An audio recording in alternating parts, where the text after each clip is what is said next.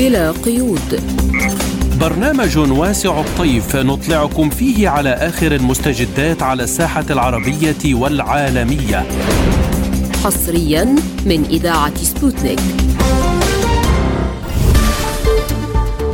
تحية طيبة لكم مستمعينا الكرام وأهلا بكم في حلقة جديدة من برنامج بلا قيود. نصحبكم فيها أنا فرح القادري. وأنا نغم كباس والبداية بأبرز العناوين.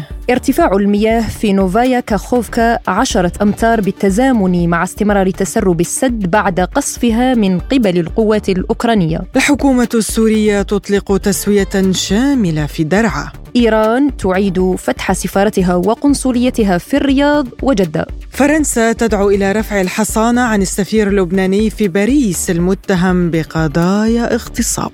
أردوغان يعين رئيس جهاز الاستخبارات التركية هاكان فيدان وزيرا للخارجية.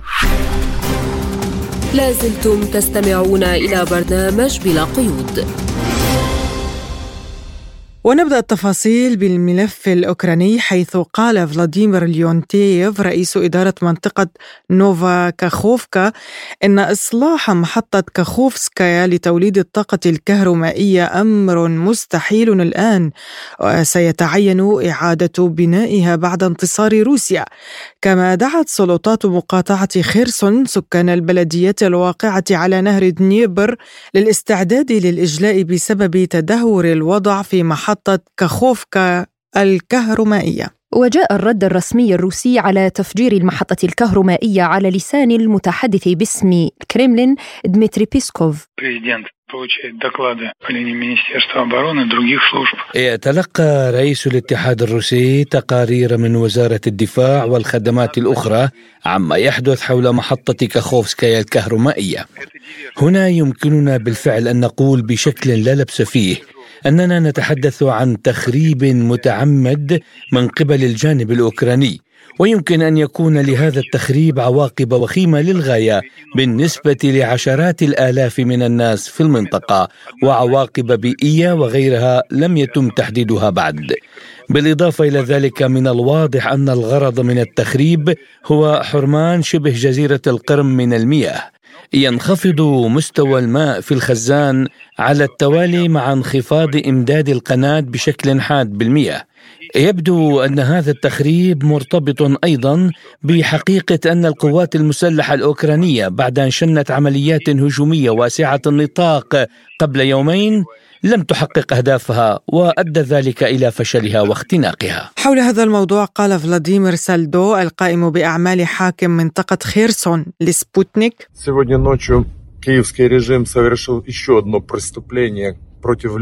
الليلة ارتكب نظام كييف جريمة أخرى ضد الناس.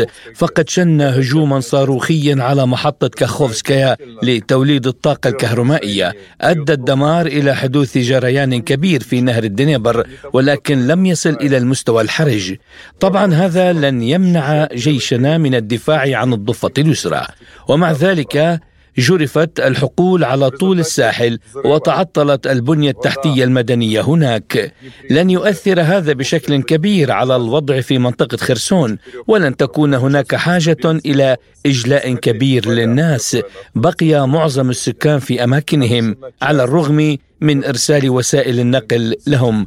يبدو أن نظام كييف قد قرر ضرب الأمن الغذائي لمنطقة خرسون وذلك لصرف الانتباه عن إخفاقاته الرهيبة فيما يسمى بالهجوم المضاد. ولكن أيضا لن ينجو بتحقيق هذا الهدف فروسيا كلها معنا. من جانبه قال فلاديمير روغوف عضو المجلس الرئيسي لإدارة منطقة زاباروجيا. لا توجد حاجة للإخلاء العام لسبب بسيط هو أن مستوى الفيضانات ليس مرتفعا جدا أي في الواقع هناك تدفق للمياه فقط. طبعا حدث انهيار في أجزاء من محطة الطاقة الكهرومائية ولكن هذا في الجزء العلوي. أما السد نفسه فلا يزال سليما. بالنسبة لخزان تبريد محطة الطاقة الكهرومائية في زاباروجيا فهو ممتلئ بالكامل. بالإضافة إلى وجود مصادر بديلة لملئها من الآبار والمصادر الأخرى. لذلك لا توجد تهديدات لتشغيل محطة الطاقة الكهرومائية في زاباروجا أكثر من 300 أسرة تخضع الآن للإخلاء وهذا عدد قليل نسبيا من الناس مع الأخذ بعين الاعتبار أن معظم السكان قد تم إخراجهم سابقا من تحت قصف مسلحي القوات الأوكرانية. يمكن أن يكون هناك حل واحد فقط للمشكلة إنه إصلاح محطة الطاقة الكهرومائية وترميمها ولكن هذا لا يمكن أن يتم في ظل القصف المستمر من قبل القوات المسلحة الأوكرانية. لذلك فقط تحرير الضفة اليمنى لمنطقة خرسون هو الذي سيسمح لنا بإصلاح محطة كاخوفسكايا الكهرومائية وإعادة تشغيلها من جديد. بدوره قال دينيس بوشيلين القائم بأعمال رئيس جمهوريه جمهورية دونيتسك الشعبية لسبوتنيك إن الوضع ما زال صعبا على جبهة أوغليدار. لا يزال الوضع صعبا في اتجاه أوغليدار ففي أي وقت يمكن توقع محاولات اعتدائية جديدة. وحداتنا جاهزة دائما على وعلى ذلك عمل طيراننا ومدفعيتنا يوم أمس بشكل جيد للغاية. في اتجاه مارينسكي الوضع ساخن جدا أيضا ولكن الوحدات الشيشانية قد تمكنت من إلحاق الهزائم للعدو الذي بدوره يحاول إبطاء التقدم بهجماته. ومع ذلك هناك تحسن في الموقف من جانبنا ورجالنا يتحركون. في شمال الجمهورية في منطقة واحدة ربما قبل عشرة أيام كانت هناك محاولة لاختراق دبابة اليوبارد. بالنسبة لنا هذه التقنية مهمة للدراسة بينما كانت دباباتنا تتقدم لسحب اليوبارد المحطمة سبقتها وسحبتها دبابتان أوكرانيتان وبدلا من صد الهجوم بدأوا في تدمير دبابة اليوبارد بشكل لا يمكن التعرف عليها. بالنسبة لهم كان الهدف الرئيسي هو منع دباباتنا من الوصول إليهم. على صعيد متصل أكد رؤساء مصر وجنوب أفريقيا وجزر القمر والسنغال وأوغندا وزامبيا أن لإفريقيا مصلحة في العمل على إنهاء الأزمة الروسية الأوكرانية بالنظر لأثارها السلبية الهائلة على الدول الأفريقية وسائر دول العالم في عدد من القطاعات الحيوية. وقالت الرئاسة المصرية أن الرئيس عبد الفتاح السيسي بحث مع عدد من الرؤساء الأفارقة المبادرة الأفريقية للوساطة في الأزمة الروسية الأوكرانية إذ توافقوا على استمرار العمل المكثف على دفع المبادرة الأفريقية من خلال بلورة الآليات اللازمة لتشجيع الجانبين الروسي والأوكراني على الانخراط فيها بشكل إيجابي خلال الفترة المقبلة بسبب الآثار السلبية لهذه الأزمة مثل أمن الغذاء والطاقة والتمويل الدولي فضلا عن أهمية ذلك في دعم الاستقرار والسلم الدوليين. وللحديث عن هذا الموضوع ينضم إلينا عبر الهاتف من القاهرة مدير المركز العربي للدراسات السياسية والاستراتيجية الدكتور محمد صادق إسماعيل. أهلا بك دكتور محمد في برنامج بلا قيود. تحياتي لحضراتكم والساده المستمعين أهلا وسهلا. يا أهلا بك يعني نبدأ من هذه المبادرة الأفريقية وخاصة مبادرة الرئيس المصري عبد الفتاح السيسي قال بأنه جاهزه مصر للعب أي دور في سبيل حل الأزمة الأوكرانية. ما واقعية هذه الفرضية؟ فرضية آه، مبادرة أفريقية مصرية لحل الأزمة الأوكرانية. بعد التحية طبعا هي مبادرة هامة جدا من قبل أفريقيا كما أشرت حضرتك ومن قبل مصر تحديدا. من المعلوم لو نظرنا إلى الأهمية الاستراتيجية وأيضا الأهمية التفاعلية ما بين مصر وبين روسيا وبين أيضا أوكرانيا نجد أنها لديها الكثير من العلاقات الجيدة التي تسمح بتف فأنا أعتقد إن هذه المبادرة هامة جدا. اولا فيما يتعلق بضرورة أن يكون هناك حل سياسي لهذه الأزمة من خلال تعاون مشترك بين الجانب الأفريقي وممثل طبعا في مصر وممثل أيضا في الدول الأخرى التي ترعى هذه المبادرة لو تم البناء عليها.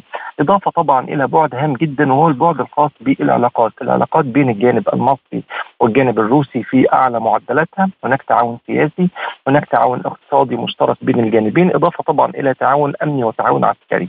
اذا الرصيد المصري كما يقال الذي يسمح لتدشين هذه المبادرة هو رصيد جيد جدا على المستوى السياسي على المستوى تقصد بروسيا؟ يعني الرصيد المصري مع روسيا أو مع كلا الطرفين الأوكراني الروسي؟ أنا أعتقد إن اولا الرصيد المصري مع روسيا هو رصيد يسمح بتدشين هذه المبادرة إضافة طبعا إلى علاقة مصر بأوكرانيا وهي علاقات أيضا متميزة جدا على كافة المستويات. اذا أنا أتخيل إن العلاقة المصرية مع الجانبين خاصة الروسي هي تسمح بتدشين هذه المبادرة.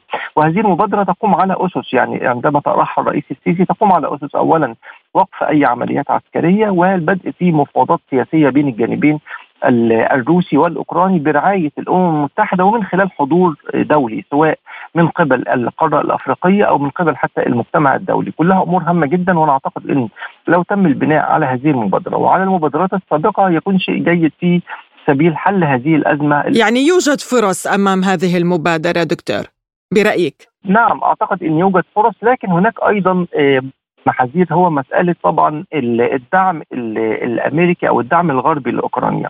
وأنا اعتقد إن هذا الدعم يمثل أحد العوائق الهامة في سبيل تنفيذ هذه هذه المبادرة لأن طبعا استمرار وصول الأسلحة إلى آه، أوكرانيا عبر طبعا البوابة الأمريكية والبوابة الأوروبية ربما يعيق كثيرا مسألة آه، تحقيق نوع من المبادرة السياسية أو الحل السياسي لهذه. عفوا دكتور هنا أقاطعك يعني بحديثك عن الدعم العسكري الأمريكي لأوكرانيا، البيت الأبيض وأمريكا دائما تقول أنها لا تريد تصعيد الأعمال العدائية في آه، أوكرانيا ولكن من جهتها تقدم دعما عسكريا وكما نرى أنها تجاوز تجاوزت آه، تجاوز الدعم العسكري لأوكرانيا أكثر من 48 مليار دولار خلال فترة وجيزة.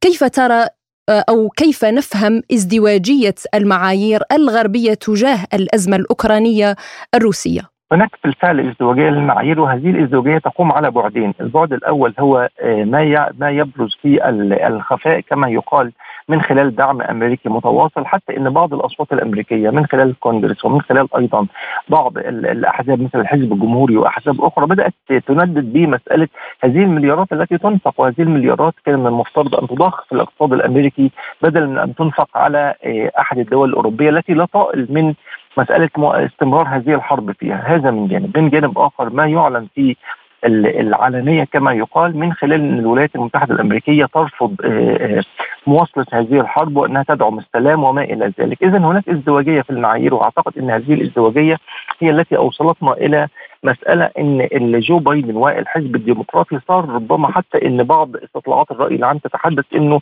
في اسوء حالاته سواء من خلال عدم القدرة على تجاوز المصاعب الأمريكية من يعني حتى البنتاغون دكتور يعترف بأن المساعدة المقدمة لأوكرانيا تشكل ضغطا على المجمع الصناعي العسكري الأمريكي. يعني هم يعرفون بأنهم يدفعون ثمنا باهظا لهذه المساعدات ولكن يستمرون بإرسالها. بالتأكيد حتى أن بعض التصريحات الأوروبية بالأمس كانت تتحدث أن لولا هذه المساعدات لكانت الحرب انتهت منذ آه، الشهر الأول لها فأنا أعتقد طبعا أن استمرار الولايات المتحدة الأمريكية واستمرار الجانب الغربي في حربهم وخليني يعني أوضحها في حربهم ضد روسيا تحديدا وليس من من خلال الدعم الأوكراني، الدعم الأوكراني هو فقط للواجهة، لكن هذه الحرب هي حرب معلنة ما بين الطرفين الطرف الغربي والطرف الشرقي ممثل في روسيا والولايات المتحدة الأمريكية والعالم الغربي، وأنا اعتقد إن هذه المبادرة لو عدنا إليها مرة أخرى هذه المبادرة هامة جدا لكن كما أشرت هناك محاذير ولعل أبرزها هو مسألة مواصلة الدعم اللامتناهي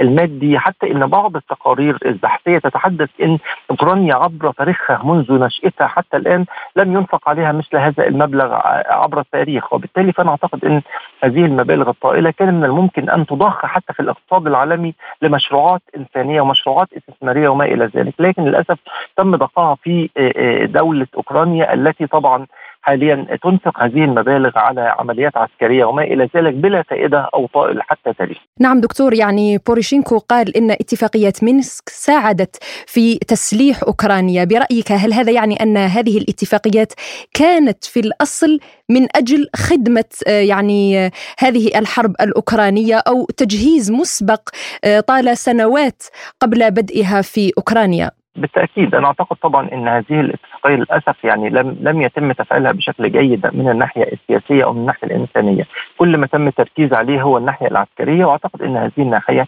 للأسف هي التي أطالت أمد الحرب نتحدث عن قرابة العامين حاليا أو أو العام أو يزيد. وبالتالي فأنا أعتقد إن دخولنا في العام الثاني للحرب واستمرار الحرب الروسية الأوكرانية كلف العالم الكثير من النفقات الاقتصادية وأيضا المشكلات الاقتصادية وكما أشرت إن كان من الممكن أن تضخ هذه الأموال التي أنفقت في أوكرانيا على المشروعات تعود على العالم بالنماء أو أو خلق فرص عمل أو مزيد من الاستثمارات العالمية وما إلى ذلك حتى في الجانب الإنساني. لكن للأسف تم ضخها في حرب بلا طائل كما أشرت وأنا اعتقد إن الحل يكمن في مبادرات. ومثل هذا الطرح طبعا تبنته الدولة المصرية من خلال طرح المبادرة المصرية عبر بوابة أفريقيا. لو تم الأخذ بها بعين الاعتبار والبناء عليها أعتقد أن سيكون هناك نجاح لمثل هذه المبادرة. ولو حتى تم النجاح في وقف العمليات العسكرية لشكل مؤقت أعتقد أن يكون هذا نجاح مبدئي لهذه المبادرة. نعم بما أنه نحن نتحدث عن آه، الجانب الإنساني،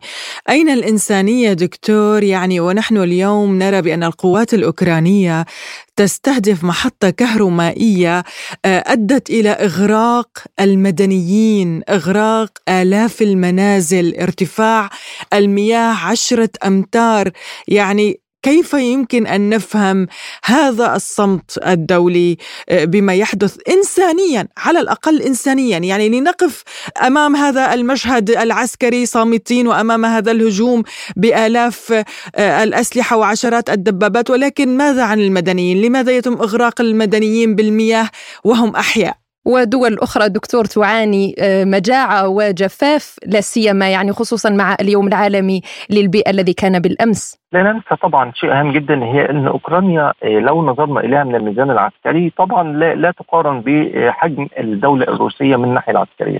وبالتالي هي تحاول إحداث أي شيء لإعلاء الصوت ليس إلا. وتعلم جيدا إن الآلة الإعلامية الغربية آه، ستصمت وستقول بأن ما حدث هو حدث عارض أو ما حدث هو حدث آه، ربما من خلال العمليات العسكرية وما إلى ذلك. بمعنى إن أوكرانيا لديها غطاء إعلامي كما يقال من الغرب لن يسمح لها بالانتقاد وما إلى ذلك، لكن أنا أعتقد كما أشرت إن المشكلة هنا أنها تجاوزت مسألة الإنسانية، ما يحدث حاليا في هذه الحرب الحرب الروسية الأوكرانية لابد أن يتوقف، لابد أن تتوقف كل هذه العمليات العسكرية ولابد من الجلوس على مائده المفاوضات، لأن أنا أعتقد إن الأصعب من وقف العمليات العسكرية هو البدء في مسار سياسي تفاوضي بين الجانبين. خاصة أن هناك دول أخرى كبرى لا تريد هذا المسار أن يبدأ. بالتأكيد ولو نظرنا حتى نجد أن هناك شيء آه، يعني آه، هل آه، الذي سيرعى هذه المفاوضات هي الأمم المتحدة أو أم الدول الكبرى؟ طبعا الدول الكبرى للأسف لديها أجندات بمعنى أن الولايات المتحدة الأمريكية سيكون معلوم مسبقا أنها دولة غير محايدة، الدول الأوروبية أيضا لن تكون محايدة لأنها تقف في الصف الأوكراني، اذا أنا اعتقد إنه لابد من أن يكون هناك وسيط مثل القارة الأفريقية على سبيل المثال ونعود للمبادرة مرة ثالثة فأنا أعتقد أن لو تم البناء على مثل هذه المبادرة لأن القارة الأفريقية على سبيل المثال ليس لديها أي شيء أعتقد أو منفعة من خلال استمرار هذه الحرب بالعكس هي تريد أن تهدأ هذه وتيرة العمليات العسكرية وأن يكون هناك مسار تفاوضي لأن طبعا القارة الأفريقية لها علاقات جيدة مع الجانبين وأتحدث في القلب منها طبعا. وأيضا أمنها الغذائي مهدد دكتور يعني القارة الإفريقية تحصد يعني نتائج سلبية كبيرة آه، بسبب هذه الحرب بسبب عدم وجود آه، حبوب روسية لا تصل بشكل كافي. علما أن الرئيس بوتين يعني صرح أكثر من مرة بأنه آه، يريد إرسال الحبوب الروسية ولو مجانا للدول الفقيرة والأفريقية. ونعلم بأن مصر أيضا لديها تعاون كبير مع مع روسيا في مجال الحبوب. بالتأكيد هناك علاقات جيدة جدا كما أشرت حضرتك أستاذ نغم فيما يتعلق بمثل هذا الطرح وأعتقد إن القارة الأفريقية هي قارة طبعا تبحث عن التنمية لديها أجندة 2063 وهي تريد التنمية، جزء من التنمية ينصب على العلاقات ما بين الجانبين خاصة إن روسيا تعتبر أكبر مصدر للحبوب الغذائية إلى القارة الأفريقية وبالتالي هي تريد مسألة تهدئة هذه العمليات حتى يكون هناك نوع من السهولة فيما يتعلق بالتصدير والاستيراد إضافة طبعا إلى الاستثمارات الروسية في القارة الأفريقية. روسيا أعلنت أكثر من مرة إنها تريد استثمارات ضخمة داخل القارة الأفريقية وتريد تدشين علاقات جيدة مع الدول الأفريقية فأنا أعتقد إن كل هذه الأمور لن تتم إلا من خلال مبادرة كما أشرت مبادرة سياسية وقف العمليات العسكرية الدخول في تفاوض مباشر بين الجانبين الروسي والاوكراني برعاية أممية وبرعاية إفريقية أيضا كلها أمور هامة جدا لكن الأهم كما أشرت هو البدء في آه، آه، قبول هذه المبادرة والنظر إليها بعين الاعتبار ثم بعد ذلك وقف العمليات العسكرية والبدء في مسار تفاوض. نعم نشكرك مدير المركز العربي للدراسات السياسية والاستراتيجية الدكتور محمد صادق إسماعيل كنت معنا من القاهرة. شكرا دكتور. جزيل الشكر ربنا يحفظك يا رب. شكرا جزيلا. ما زلتم تستمعون إلى برنامج بلا قيود.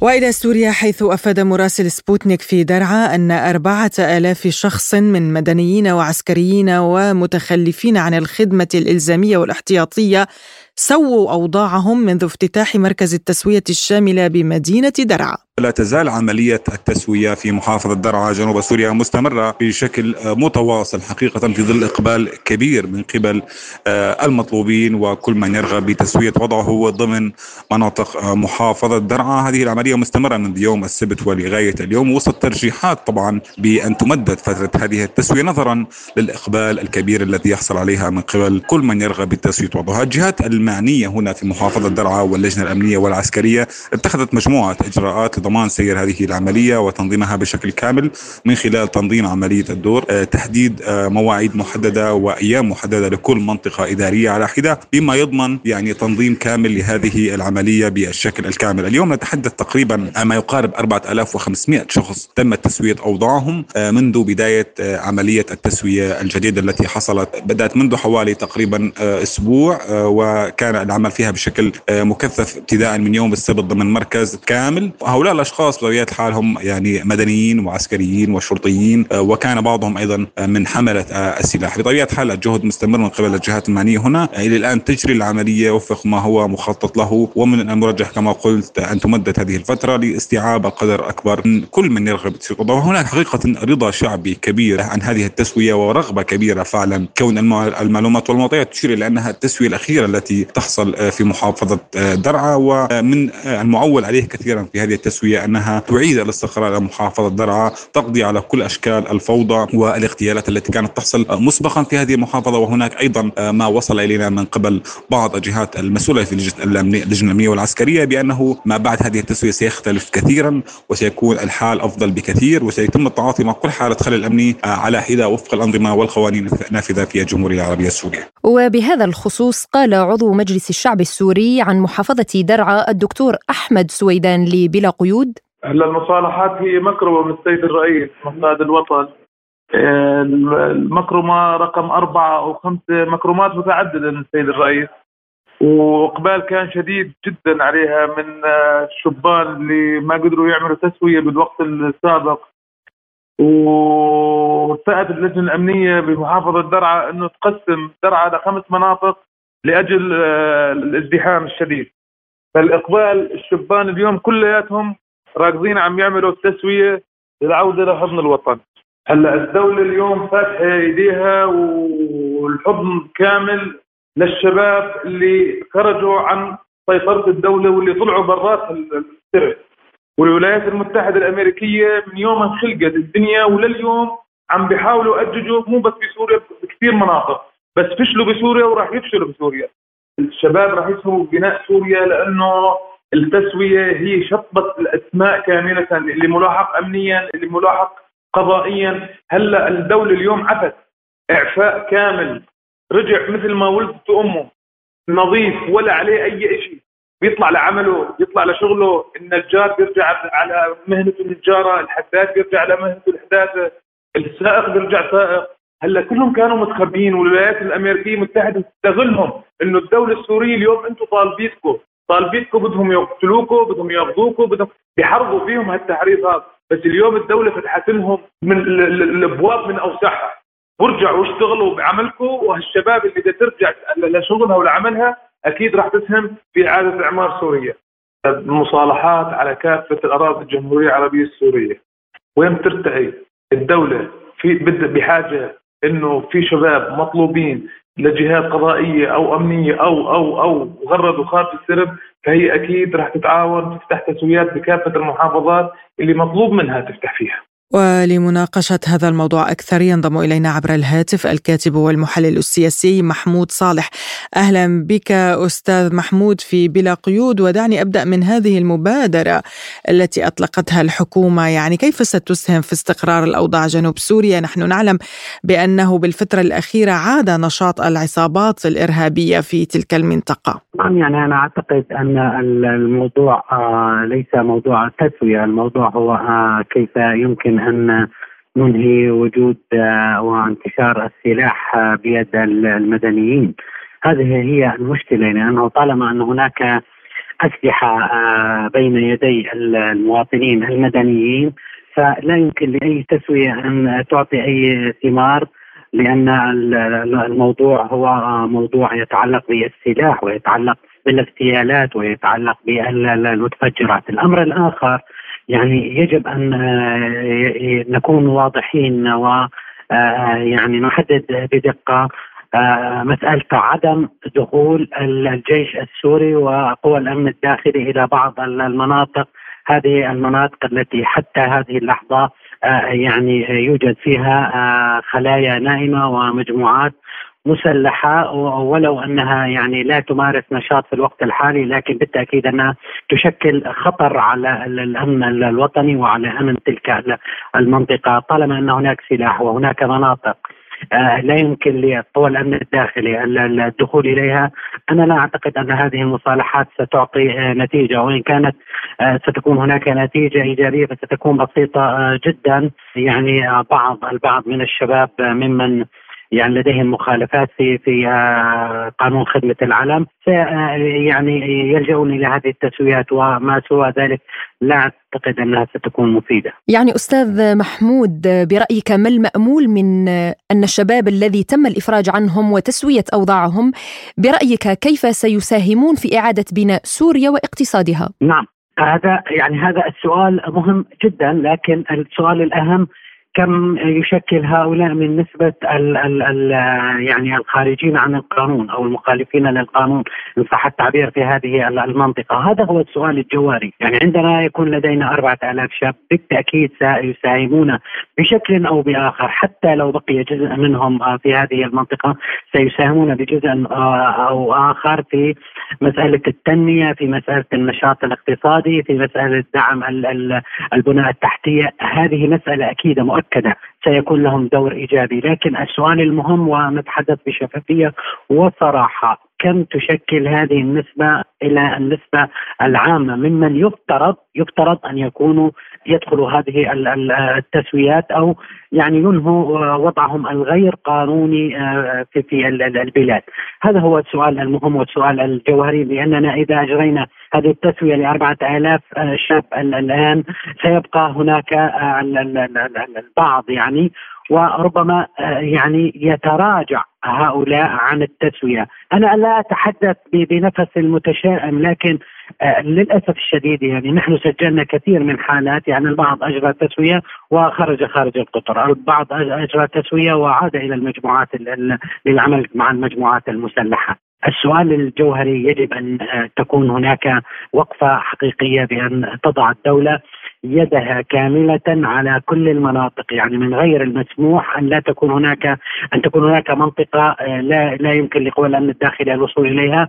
والوصول إلى أي شخص مطلوب آه، فيها المسألة لم تعد مسألة آه، سلاح المسألة مسألة مخدرات المسألة مسألة اغتيالات المسألة مسألة مخالفة للقوانين والنظام هناك يعني تأثير أو مساس بهيبة الدولة في المناطق التي لا يمكن حتى الآن لقوى الأمن الداخلي الوصول إليها. كيف تعتزم الحكومة السورية مساعدة هؤلاء الشباب على التكيف مع الواقع الجديد والاندماج في المجتمع؟ يعني خاصة أنك تقول بأنهم عددهم أو نسبتهم قليلة مقارنة بالخارجين عن القانون. يعني أنا أعتقد يعني أن الإجراءات والخطوات التي بدأتها الحكومة هي آه، مطمئنه جدا. يعني آه، هي تقول لمن آه، هو متخلف عن خدمة العلم يعني تفضل إلى القطعة العسكرية التي يجب أن تخدم بها كباقي أبناء الشيعة إذا أردت أن تكون فعلا أنت كمواطن عادي غير متميز عن أبناء وطنك. هذه مسألة مهمة. وأيضا لمن ليس عليه التزام تجاه خدمة العلم أو مثلا حمل السلاح تقول له الدولة عفى الله عما مضى.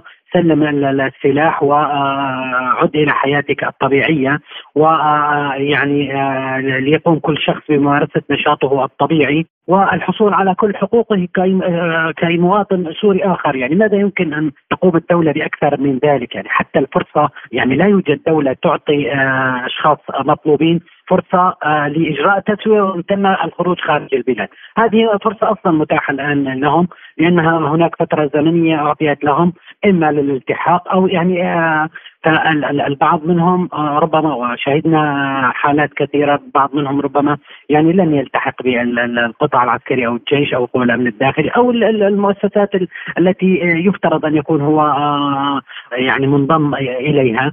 وهذا لا يمكن لأي دولة آه، تقدم أكثر مما قدمته الحكومة السورية لطمانه هؤلاء الشباب ولطمانه هؤلاء الأشخاص إن كانوا فعلا هم يبحثون عن الطمأنينة وعن آه، يعني مؤشرات الأمان آه، لاقدامهم على عملية التسويه. الكاتب والمحلل السياسي محمود صالح شكرا لك على هذه المداخلة.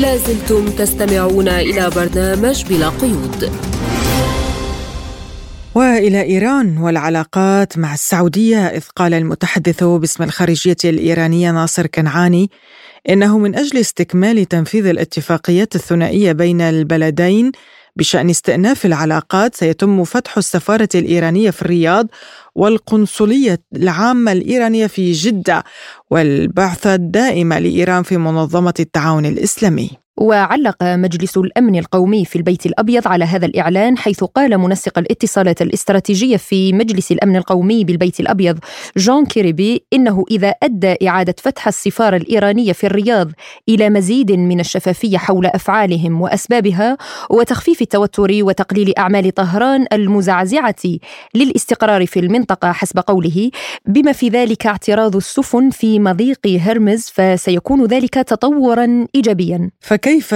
ستكون ردة فعل الغرب من هذا التقارب؟ هل سيحاول تعطيل أو إبطاء التعاون بين الرياض وإيران لنجيب عن هذه الأسئلة نناقش الموضوع مع الخبير بالشأن الإيراني الدكتور صالح القزويني أهلا بك دكتور يعني وأبدأ معك من هذا التقارب الإيراني السعودي يراه الغرب بأنه غير منطقي ويتحدى العقل برأيك ما هو المنطقي اذا باللغة الغربية؟ آه، بسم الله الرحمن الرحيم آه، تحية لك ولكل المستمعين الكرام. يعني المنطقي في الغرب هو أنه إما أن تكون معنا أو أن تكون ضدنا. هذا هو منطق الغرب إنه آه، كل من آه، آه، ليس معهم أي دولة مستقلة تنتهج سياسة خاصة بها ومستقلة بعيدة عن مطالب وبعيدة عن إملاءات الغرب. فهذه فهذه دولة غير منطقية وهذه دولة متمردة وينبغي مواجهتها والتصدي لها. آه، بلا شك أنه هذه الخطوة أساسا عودة العلاقات الإيرانية السعودية. آه، لم يكن مرحب بها من قبل. آه، الغرب وخاصة الولايات المتحدة الأمريكية وبالتحديد إسرائيل. يعني لنقل أنه هذه الخطوة وهذه العلاقات قوضت آه، مشروعا امريكيا آه، طالما عملت به لأكثر من آه، أربعين عاما وهو مشروع إيران فوبيا.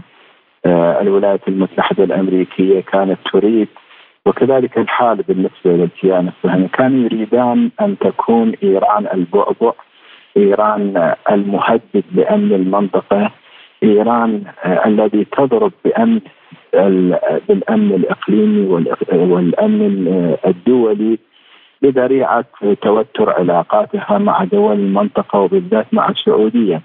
ولكن عندما آه، تتحول القضية إلى قضية علاقات آه، بين إيران والسعودية عند ذلك يمكن القول أن هذا المشروع مشروع ايران فوبيا تبخر بشكل كامل وخاصة بالنسبة لإسرائيل. إسرائيل كانت تريد آه، أن أن تكون هي البديل لعلاقات آه، لعلاقات المنطقة أن تكون آه، هي الصديق لدول المنطقة بدلا عن إيران. ولذلك عملت لسنوات طويلة على أن أن يكون لها موضع قدم في دول المنطقة. آه، وان أن يكون العدو لدول المنطقة هي إيران ولكن آه، بين ليلة وضحاها وبين عمل باد ومفاوضات آه، نشطة تبخر هذا المشروع المشروع الأمريكي الصهيوني وبالتالي ما ما السفن إذا كانت تجري وفق أمواج وفق رياح الولايات المتحدة الأمريكية والكيان الصهيوني فبها وإلا فإنها ينبغي أن تغرق هذه السفن. تحدثت دكتور عن تبخر أحلام أمريكا وإسرائيل خاصة في وضع موطئ قدم في السعودية، برأيك هل ستسعى أمريكا لإبطاء أو إيقاف هذا التقارب؟ نعم آه، بالتأكيد أن إسرائيل والولايات المتحدة تسعيان إلى آه، إلى آه، ابطاء التقارب وإثارة يعني التوترات بين إيران ودول المنطقة ولكن علينا أن ننظر إلى القضية إلى أبعد من ذلك وهو آه، قضية آه، أنه الهيمنة الأمريكية والقوة الأمريكية بدأت تتراجع في المنطقة وفي العالم بشكل عام. هذا هذا أحد آه، مؤشرات تراجع القوة الأمريكية يعني ما كان ينبغي لدول المنطقة أن تقترب من إيران لو كانت أمريكا اليوم كما كانت أمريكا قبل 20 عام. هذا مؤشر على تراجع قدرة قدرات أمريكا. هذا مؤشر على تراجع هيمنة الولايات المتحدة على المنطقة على المنطقة. وبالتالي آه، إن قرارا مثل آه، هذا القرار عوده العلاقات آه، الإيرانية السعودية أو التقارب السعودي مع دول المنطقة التقارب عفوا الإيراني مع دول المنطقة وخاصة الدول الخليجية والدول العربية إن مثل هذا القرار ما كان يمكن أن يتخذ لولا تراجع القوة والهيمنة الأمريكية. من هنا يمكن أن نقول أن الولايات المتحدة الأمريكية نعم تسعى إسرائيل تسعى إلى عرقلة آه، آه، إلى عرقلة وتيرة العلاقات الإيرانية الخليجية العربية. ولكن ليس كل شيء بيد أمريكا وليس كل شيء بيد إسرائيل. آه، هناك مساحة واسعة من اتخاذ القرار الصائب عند دول المنطقة. وأعتقد أنه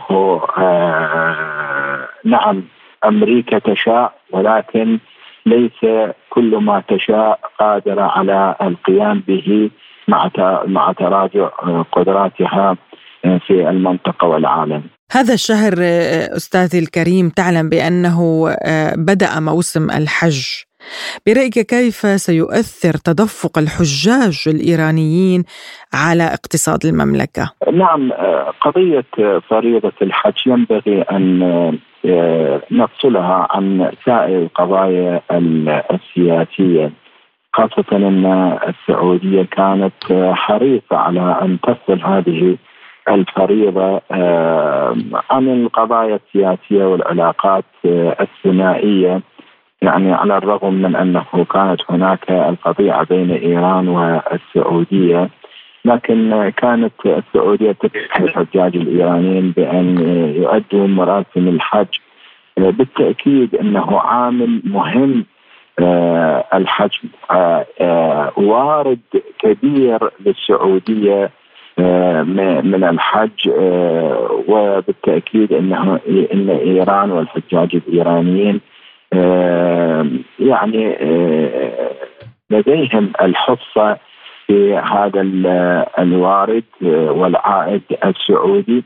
لا شك إنه آه، يعني يضخ أموال كبيرة على على الحكومة السعودية. آه، وبالتأكيد أنه إيران أيضا من الدول التي آه، يعني تساهم في في في هذا في هذا المورد في قضية ارتفاع العائدات السعودية. وليس لديها مشكلة في ذلك. ليس لديها مشكلة أن تكون دولة إسلامية أن أن يعني ترتفع ايرادات عائداتها الاقتصادية المالية. ليست لديها مشكلة أن تزدهر الدول الإسلامية بل ربما تعمل على ذلك تعمل على تقوية اقتصاديات الدول العربية والدول الإسلامية. وهناك أمثلة كثيرة على ذلك.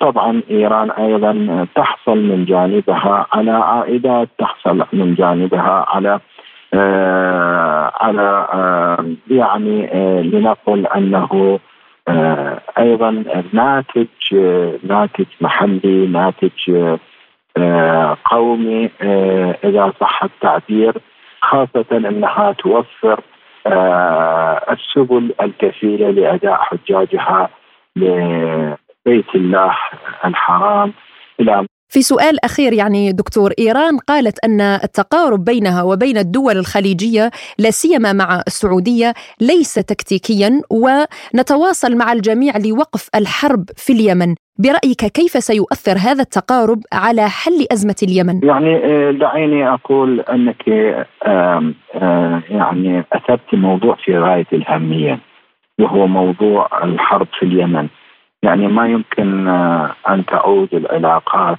آه، الإيرانية والخليجية وبالذات مع السعودية إلى آه، طبيعتها وأن تتمتن هذه العلاقات وتتعزز ما لم يعني تحل هذه المشكلة تنتهي هذه الحرب في اليمن.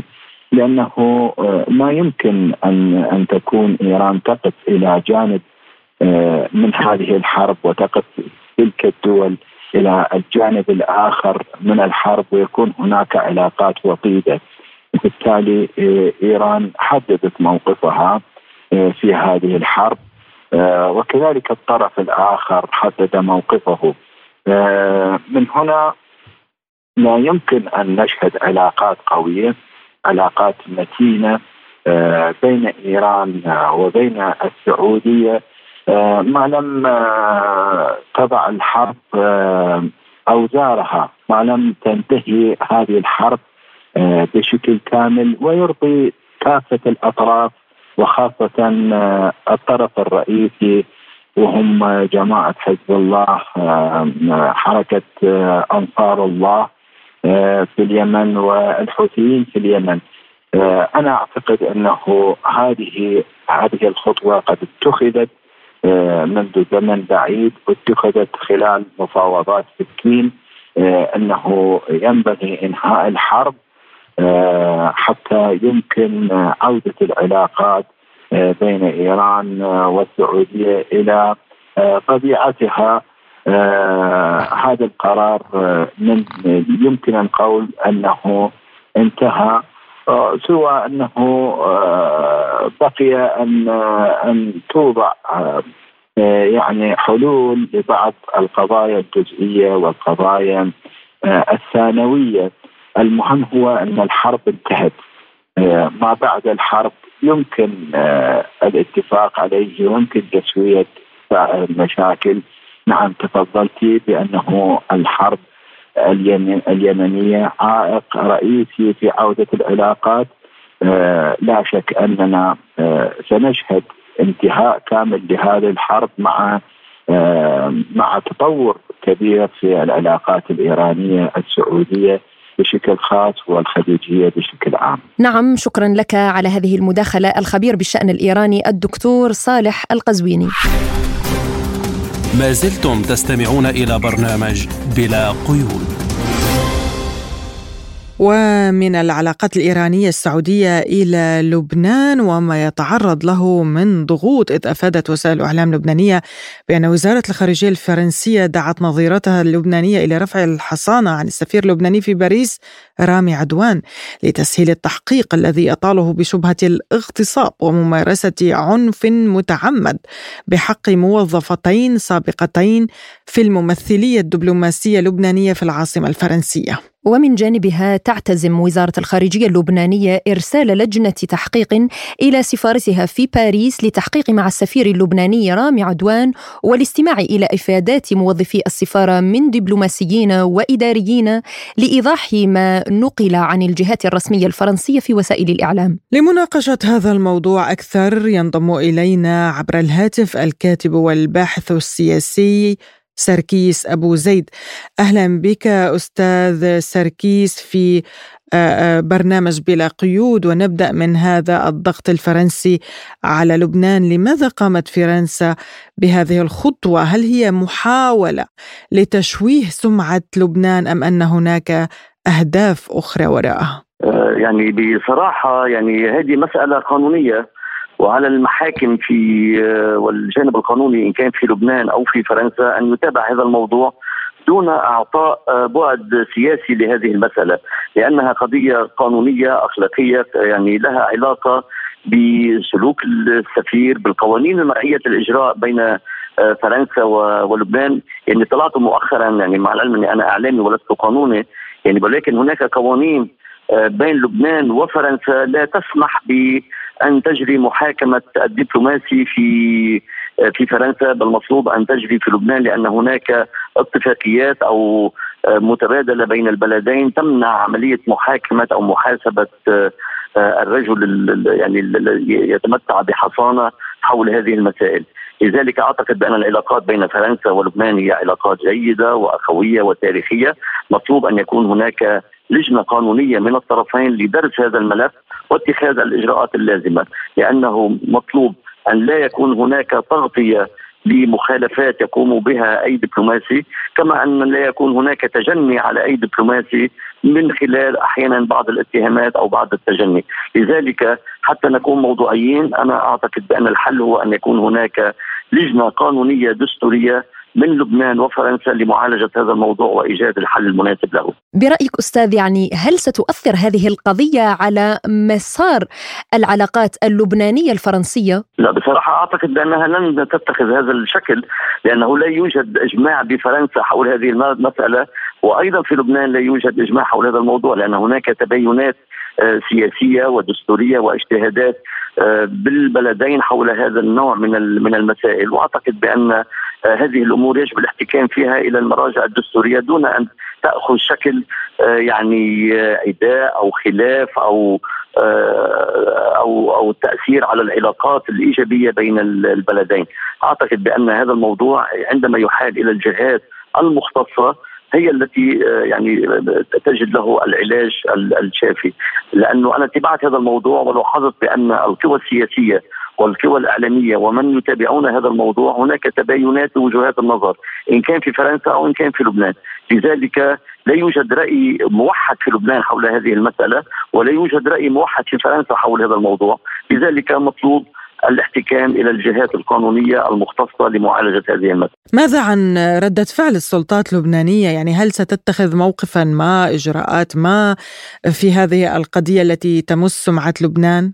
صحيح بس ولكن يعني سمعة لبنان ليست مرتبطة باداء شخص ممكن أي دبلوماسي أو أي شخص لبناني يقوم بأخطاء أو يرتكب أشياء مخلة بالقانون يعني يجب مراعاة القواعد القانونية دون أن يكون هناك عصبية أو أو عنصرية بعملية هذا الموضوع، إذا كان السفير مخطئ يجب يعني محاكمته بالطرق القانونية دون أن يمس ذلك بسمعة لبنان أو بدور لبنان، بالعكس سمعة لبنان هو عندما يكون عندما يحتكم إلى إلى القضاء، عندما يحترم القوانين وعندما يلتزم اللبناني وخاصة الدبلوماسيين وخاصة الموظفين في الشأن العام بأن يكون لهم ممارسة أخلاقية على سوية الحضارة أو أو القيم التي يحترمها لبنان لذلك ليس من الحكمة أن أن يعني أن يحمي لبنان أو تحمي الخارجية اللبنانية أشخاص مخلين بالأمن مطلوب أن يحاكموا وفق القوانين مرئيات الإجراء إن كان في فرنسا أو في لبنان. طيب يعني لو نتحدث عن التوقيت الزمني إثارة هذا الموضوع من جديد. الفتاة التي اشتكت قالت إن القضية تعود إلى سنة 2020 برأيك لماذا تمت إثارتها من جديد في هذا التوقيت تحديدا؟ يعني بصراحة ليس لدي معلومات حول لماذا أثيرت بهذا بهذا الوقت.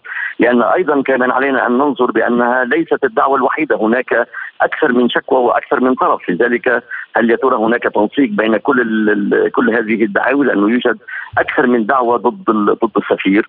لذلك مطلوب أن يكون هناك تحقيق شفاف وعادل للبت بهذه المسائل حتى لا يكون هناك اجتهادات أو تجني على السفير أو أو من من السفير. لذلك أنا أدعو إلى تحقيق عادل وقانوني من أجل البت بهذه المسألة دون أن يعني يترك المجال للاستنسابية أو للتجني أو لاستغلال خطأ معين لمحاسبة يعني المجموع لذلك أنا أدعو إلى إلى تحقيق جدي وشفاف من أجل بث هذه المسائل لأنه ربما يكون أحد يريد أن يستغل هذا التوقيت بهذا الظرف بالذات وأيضا يعني علينا أن أن لا يكون هناك خطأ من قبل دبلوماسي من أجل ليغطي سلوك مدان وغير محق. طيب سؤال أخير لحضرتك. بما أنه لبنان أرسل فريقا للتحقيق إلى السفارة اللبنانية في فرنسا هل يعني ذلك بأنه ربما يتم وضع شخص بديل عن رامي عدوان السفير الحالي؟ يعني إجراء التحقيق أنا برأيي هذه خطوة إيجابية ولكن علينا أن نأخذ بعين الاعتبار بأن الآن حكومة هي حكومة تصريف أعمال ولا يوجد بلبنان رئيس جمهورية نحن بصدد يعني بمرحلة انتخاب رئيس جديد هناك يعني المؤسسات الرسمية شبه معطلة ولا تستطيع أن تتخذ كل الإجراءات اللازمة كمان أيضا يجب أخذ بعين الاعتبار كل هذه المسائل حتى آه، يعني تنجلي الأمور، لذلك عندما ترسل الخارجية لجنة للتحقيق مع هذا الموضوع بهذا الموضوع أنا برأيي خطوة إيجابية آه، يجب احترامها وإعطاء الوقت الكافي لاتخاذ آه، القرارات المطلوبة، لذلك مطلوب من الخارجية اللبنانية أن تسرع التحقيق بهذه المسألة وبث هذه الموضوع حتى لا يكون لديها حتى لا يكون هناك انعكاسات سلبية على العلاقات الفرنسية اللبنانية. نعم نشكرك الكاتب والباحث بالشأن السياسي اللبناني ساركيس أبو زيد كنت معنا من بيروت. لازلتم تستمعون إلى برنامج بلا قيود. وإلى تركيا حيث أعلن الرئيس رجب طيب أردوغان عقب فوزه بولاية ثالثة عن أسماء أعضاء حكومته الجديدة التي شهدت تغييرات عديدة شملت وزارة الخارجية وعين على رأسها رئيس جهاز الاستخبارات التركية هاكان فيدان كوزيرا للخارجية في حكومته الجديدة خلفا لمولود جووش أوغلو وأشارت وسائل إعلام أمريكية إلى أن خبرة فيدان ستساعده في التعامل مع قضايا السياسة الخارجية الخطيرة ومن المرجح أن يكثف الجهود لبناء علاقات مع الشرق الأوسط وشمال إفريقيا فهل يمكن الحديث عن تحول تركيا نحو الدول العربية؟ ما الأهداف التي تسعى أنقرة لتحقيقها. للإجابة على هذه الأسئلة ينضم إلينا عبر الهاتف الخبير بالشؤون التركية الدكتور فراس رضوان أوغلو. أهلا بك دكتور فراس في برنامج بلا قيود. ودعني أبدأ من اختيار أردوغان لوزير خارجية يعني له خبرة عسكرية استخباراتية. كيف برأيك سيخدم هذا الاختيار؟ السياسة الخارجية التركية لا سيما مع الدول العربية؟ طبعا أظن تعيين وزير الداخلية بهذا السياق كان أن هناك ترتيب للأوراق بشكل أكثر آه، انضباطا وأكثر ارشفه لأن وزاره الداخلية أظن متعلقة بشكل كبير بالأداء الحكومي بمعنى الوافدون القادمون وهذا كله سياسة الحكومة القائمة. لذلك لابد من التنسيق الكبير آه، بين الجميع. وهذا نلاحظه بين وزير الخارجية الذي كان يشغل رئيس منصب المستشار العام ورئيس الاستخبارات العامة في تركيا والآن السيد آه، الوزير الداخلية الذي كان آه، والي إسطنبول. اذا لديه معرفة كبيرة بكل التفاصيل والاطلاعات الأمنية. ولذلك أنا أظن أن الموضوع الأمني هو الذي يهم بعض الدول لابد من التعقيب الأمني في كثير من الأمور. المصطلحات التي كانت بين تركيا وكثير من الدول التي كانت على خلاف معها تحتاج الآن إلى طبعا بعد التقدم في هذه الخطوات تحتاج إلى ترتيب في داخل البيت التركي نفسه بمعنى الوافدون القادمون أو حتى الساكنون في في داخل تركيا. بالنسبة للشمال الأفريقي أنا أظن الأمور ما زالت قائمة لأن كثير من الدول العربيه في الشمال الافريقي تدخل تركيا من غير آه، احتياج إلى تأشيرة دخول، يعني أنا أظن أن الوضع لا أكثر انضباطا في كل الوزارات وأكثر تكنوقراطيا حتى. في كل المناطق. دكتور فراس يعني وكالة بلومبرج الأمريكية قالت أن الوزير الجديد قام بمحادثات غير رسمية مع ممثلين من دول عربية بهدف تحسين العلاقات برأيك هل يمكن الحديث عن تحول تركيا إلى الدول العربية وما هدف أنقرة من ذلك؟ أنا أظن أن آه، يعني عودة تركيا لعلاقات مع كثير من الدول العربية كان بدأ منذ سنتين وتحديدا أظن يعني صاحب آه، الخطوة الأولى هو نفسه السيد هاكا فيدان عندما كان مدير الاستخبارات وكانت اللجان الاستخباراتيه هي التي تقوم بكل هذه الإجراءات، اذا أنا أظن الآن وجوده في الخارجية يعني استكمالا للعمل الذي بدأه وكما يقال قطف الثمار وكونه قائد كان رئيسا للاستخبارات العامة يعني أنه يعلم كل شاردة وواردة ولذلك المفاوضات معه ستكون مكشوفة جدا يعني بمعنى أنه يعرف كل التفاصيل وكونه أيضا كان من البادئين الأوائل فأنا أظن أن وجوده هو استمرار للنهج التصالحي وأيضا الآن لقصف الثمار في هذا. يعني دكتور التقارب التركي بالدول العربية ربما لتعزيز الروابط الاقتصادية، نعلم بأن هناك أزمة عالمية اقتصادية. نعم يعني في كل العالم هناك مشكلة التضخم والمشاكل الاقتصادية، لذلك أنا أظن أن تركيا الآن ما تسعى إليه هو الوصول إلى يعني اولا هدوء واستقرار والتصالح بعد ذلك يكون النماء الاقتصادي. وإلا دون هذا التصالح والاستقرار أنا أظن أن الوضع يعني لن يكون مفيدا لتركيا، لذلك لاحظنا أن الانقلاب 108 درجة مع كل الدول التي كانت على خلاف آه، تركيا معها، والآن أنا أظن تحاول تركيا الاستقرار، هناك دراسة تقول على أن فقط في منطقة الشرق الأوسط هناك تجارة مالية تصل إلى 500 مليار دولار فقط في حال عودة استقرارها، وهذا رقم أظن يعني مريح جدا لأغلب الأعضاء في أو أغلب الدول في الشرق الأوسط. كيف ترى الإجراءات الجديدة التي اتخذها أردوغان بداية من تعيين رئيس استخبارات